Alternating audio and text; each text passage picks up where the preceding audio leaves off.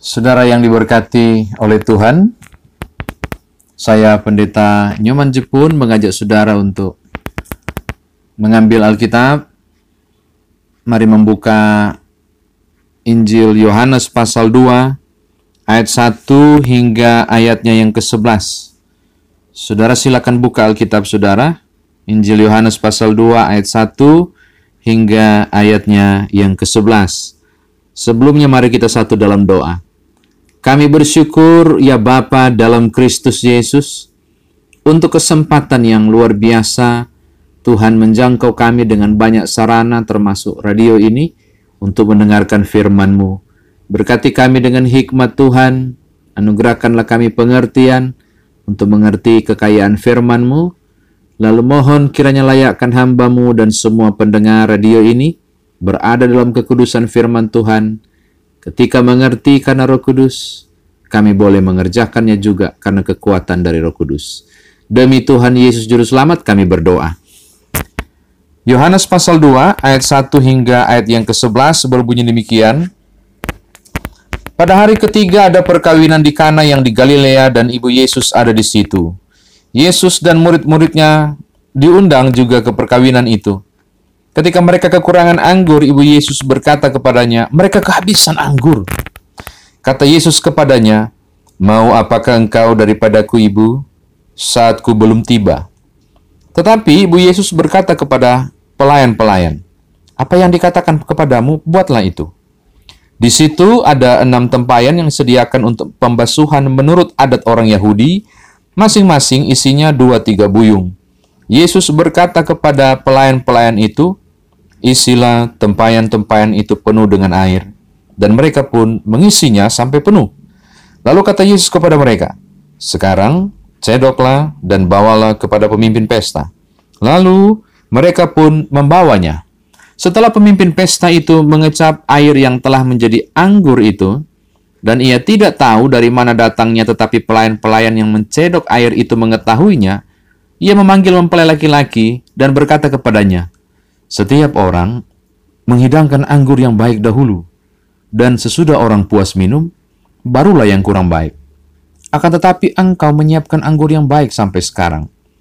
Hal itu dibuat Yesus di Kana dan yang di Galilea sebagai yang pertama dari tanda-tandanya, dan dengan itu ia telah menyatakan kemuliaannya dan murid-muridnya percaya kepada dia.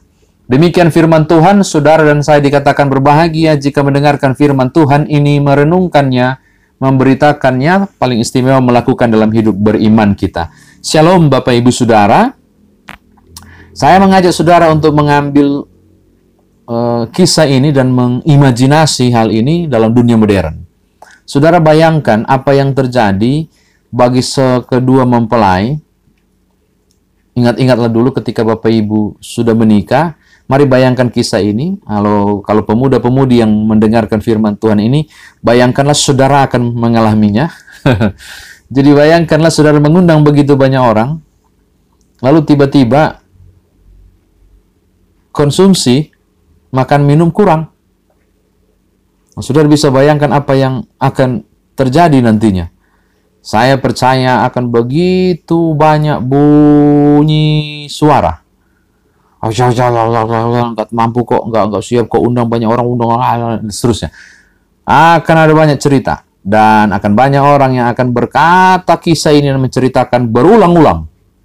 Bahkan ketika sekian lama saudara sudah menikah. Oh, yang undang banyak orang itu tapi nggak cukup dananya. Kira-kira akan seperti itu. Nah, saya ajak saudara mengapa ambil posisi ini supaya saudara bisa menghayati kisah ini. Bapak Ibu tahu pesta di Israel itu identik dengan anggur. Siapa pun yang bikin pesta harus ada anggur. Makanya kalau saudara bicara tentang pesta perjamuan Paskah, itu pakai anggur. Makanya Yesus menggunakan anggur. Karena pesta harus menggunakan anggur. Nah sekarang silakan bayangkan, simbol simbol pesta, yaitu perkawinan di Kana, simbol pesta di Kana itu berupa air anggur, habis. Habis Bapak Ibu. Bayangkan, betapa hal itu memalukan sekali. Syukurnya, syukurnya ada Tuhan Yesus dan mujizat itu terjadi. Saya tidak mau berbagi mujizatnya karena saudara sudah tahu. Tapi saya mau ajak saudara untuk gali lebih dalam dan berpikir bagaimana bisa sampai mujizat ini terjadi. Oke, mari kita lihat ternyata ada tahapan-tahapannya sampai mujizat itu terjadi. Yang pertama, tolong lihat ayat yang kedua.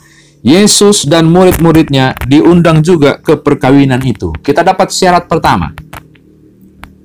Bahwa mujizat air menjadi anggur di perkawinan di Kana hanya mungkin terjadi kalau Tuhan Yesus diundang dalam perkawinan itu. Ah, ini menarik.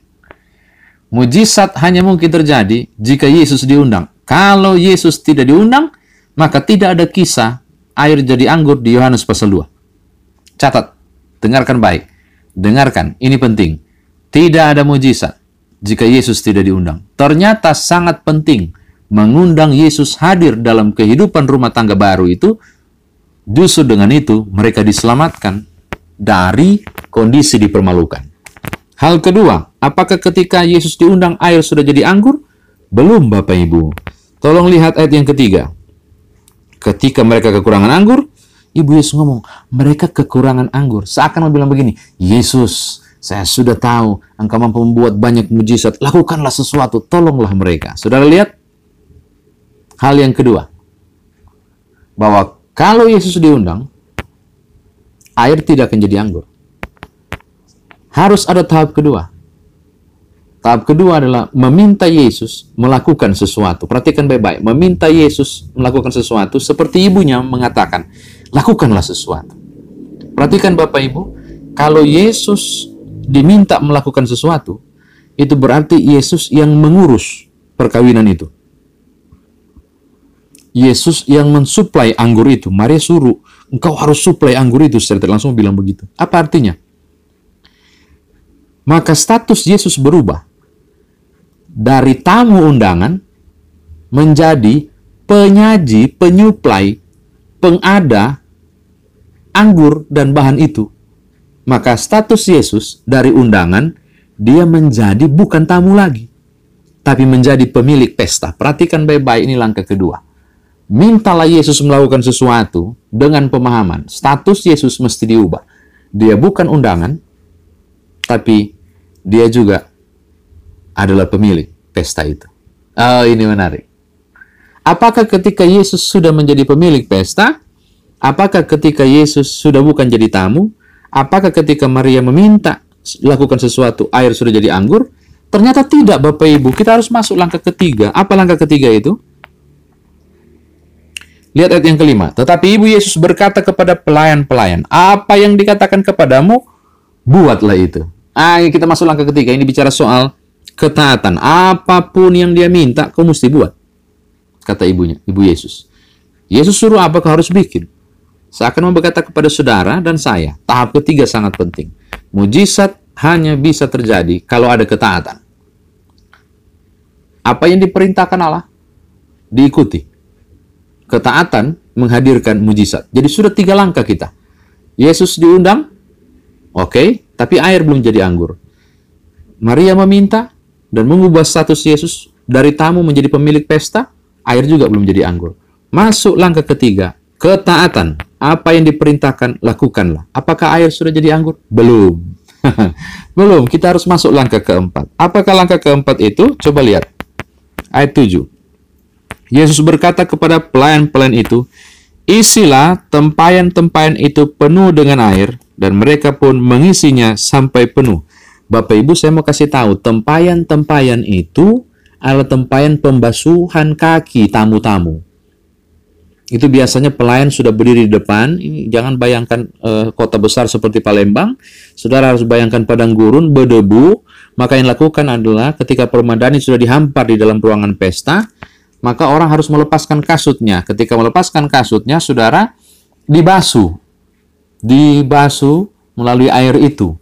Jadi saudara bisa bayangkan air bekas nyuci kaki. Ini kotor.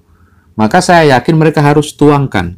Nah, saya mau bilang begini. Ketika Yesus bilang begini, isilah tempayan itu penuh sampai penuh. Kalau saya yang jadi pelayan, saya akan tolak. Mengapa Bapak Ibu? Karena pesta sudah dimulai. Tradisi Israel, kalau pesta sudah dimulai, pintu akan ditutup dan tidak terima tamu. Maka kalau tidak terima tamu, ngapain mesti isi lagi tempayan untuk pembasuhan kaki. Kalau saya jadi pelayan, saya akan tolak. Dan saya bilang, nggak perlu guru, nggak perlu rabi, sudah tuntas selesai. Tapi ajaibnya, mereka pergi mengisi. Alkitab tidak menceritakan, tapi saya membayangkan situasi Israel. Panas, Bapak Ibu. Ini bukan Palembang yang buka keran langsung dapat air. Bukan. Sulit cari air. Apalagi air bersih. Dan harus penuh syaratnya. Mungkin mereka akan bergumam dalam hati ini orang aneh. Sudah selesai pesta, masih disuruh lagi isi. Bikin kerjaan aja. Saya tidak tahu. Ah, sayang Injil Yohanes tidak menceritakan kisah ini. Tapi kita tidak boleh mengada-ngada kan?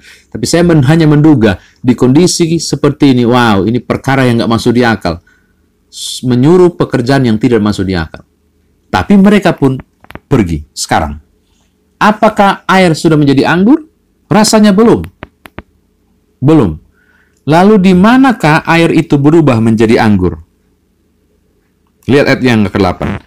Lalu kata Yesus kepada mereka, Cedoklah dan bawalah kepada pemimpin pesta. Mereka cedok, wow, sudah jadi air anggur. Nah, pertanyaan saya, di manakah proses perubahan antara air menjadi anggur? Di bagian manakah? Kalau saya tunggu waktu, Bapak Ibu menjawab uh, agak lama waktunya. Lagi saya jawab saya sendiri. Saya yang bertanya, saya yang menjawab. Di manakah momen air itu jadi anggur? Interval waktunya ada pada kalimat isilah sampai penuh, lalu cedoklah. Itu kata kuncinya. Di manakah air berubah?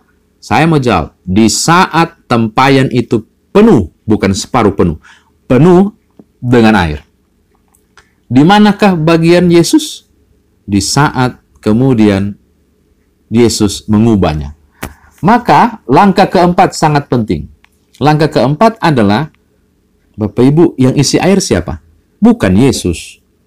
Yang capek-capek berkeringat tuang sampai penuh bukan Yesus.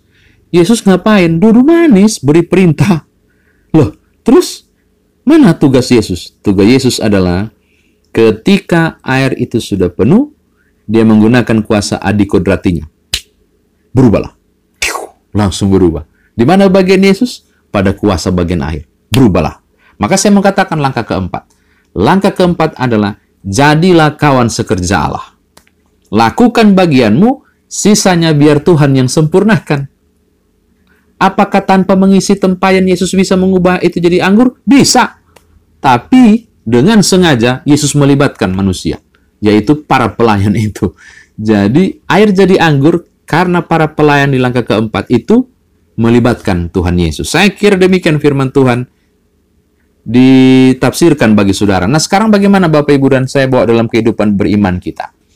Lang hal pertama Bapak Ibu, perhatikan mujizat selalu terjadi. Saudara pasti mendengar kalimat ini. Ada kuasa dalam dan yang melahirkan mujizat.